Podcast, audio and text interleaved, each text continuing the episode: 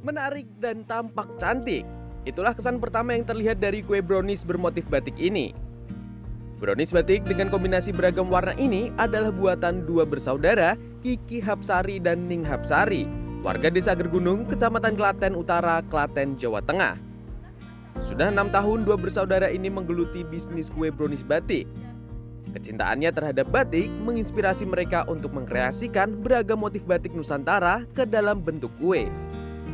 Semua mereka mulai dari nol dan belajar membatik secara otodidak. Seperti umumnya kue-kue brownies yang dibikin secara manual menggunakan bahan utama seperti tepung terigu, gula halus, maizena, telur, bahan pelembut pembuatan cake, dan bahan kue lainnya.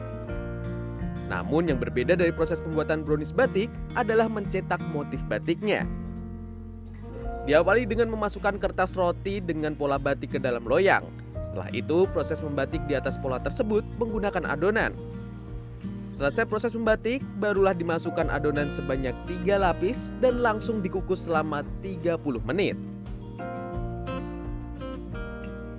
Tahap terakhir membuka loyang pada kue brownies. Inilah tahapan yang harus ekstra hati-hati agar cetakan batiknya tidak rusak.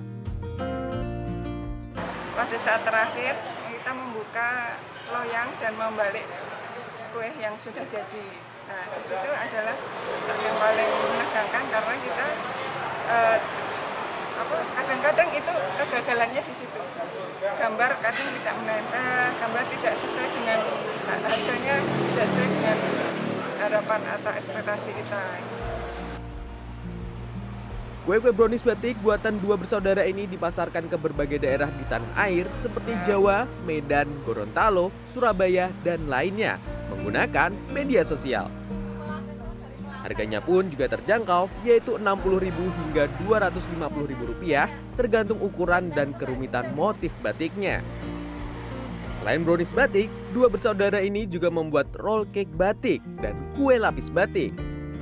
Dalam sehari, mereka bisa memproduksi kue dengan 20 jenis motif, di antaranya motif parang, sindu melati, dan wahyu ningrat. Bagus Adi, Klaten, Jawa Tengah.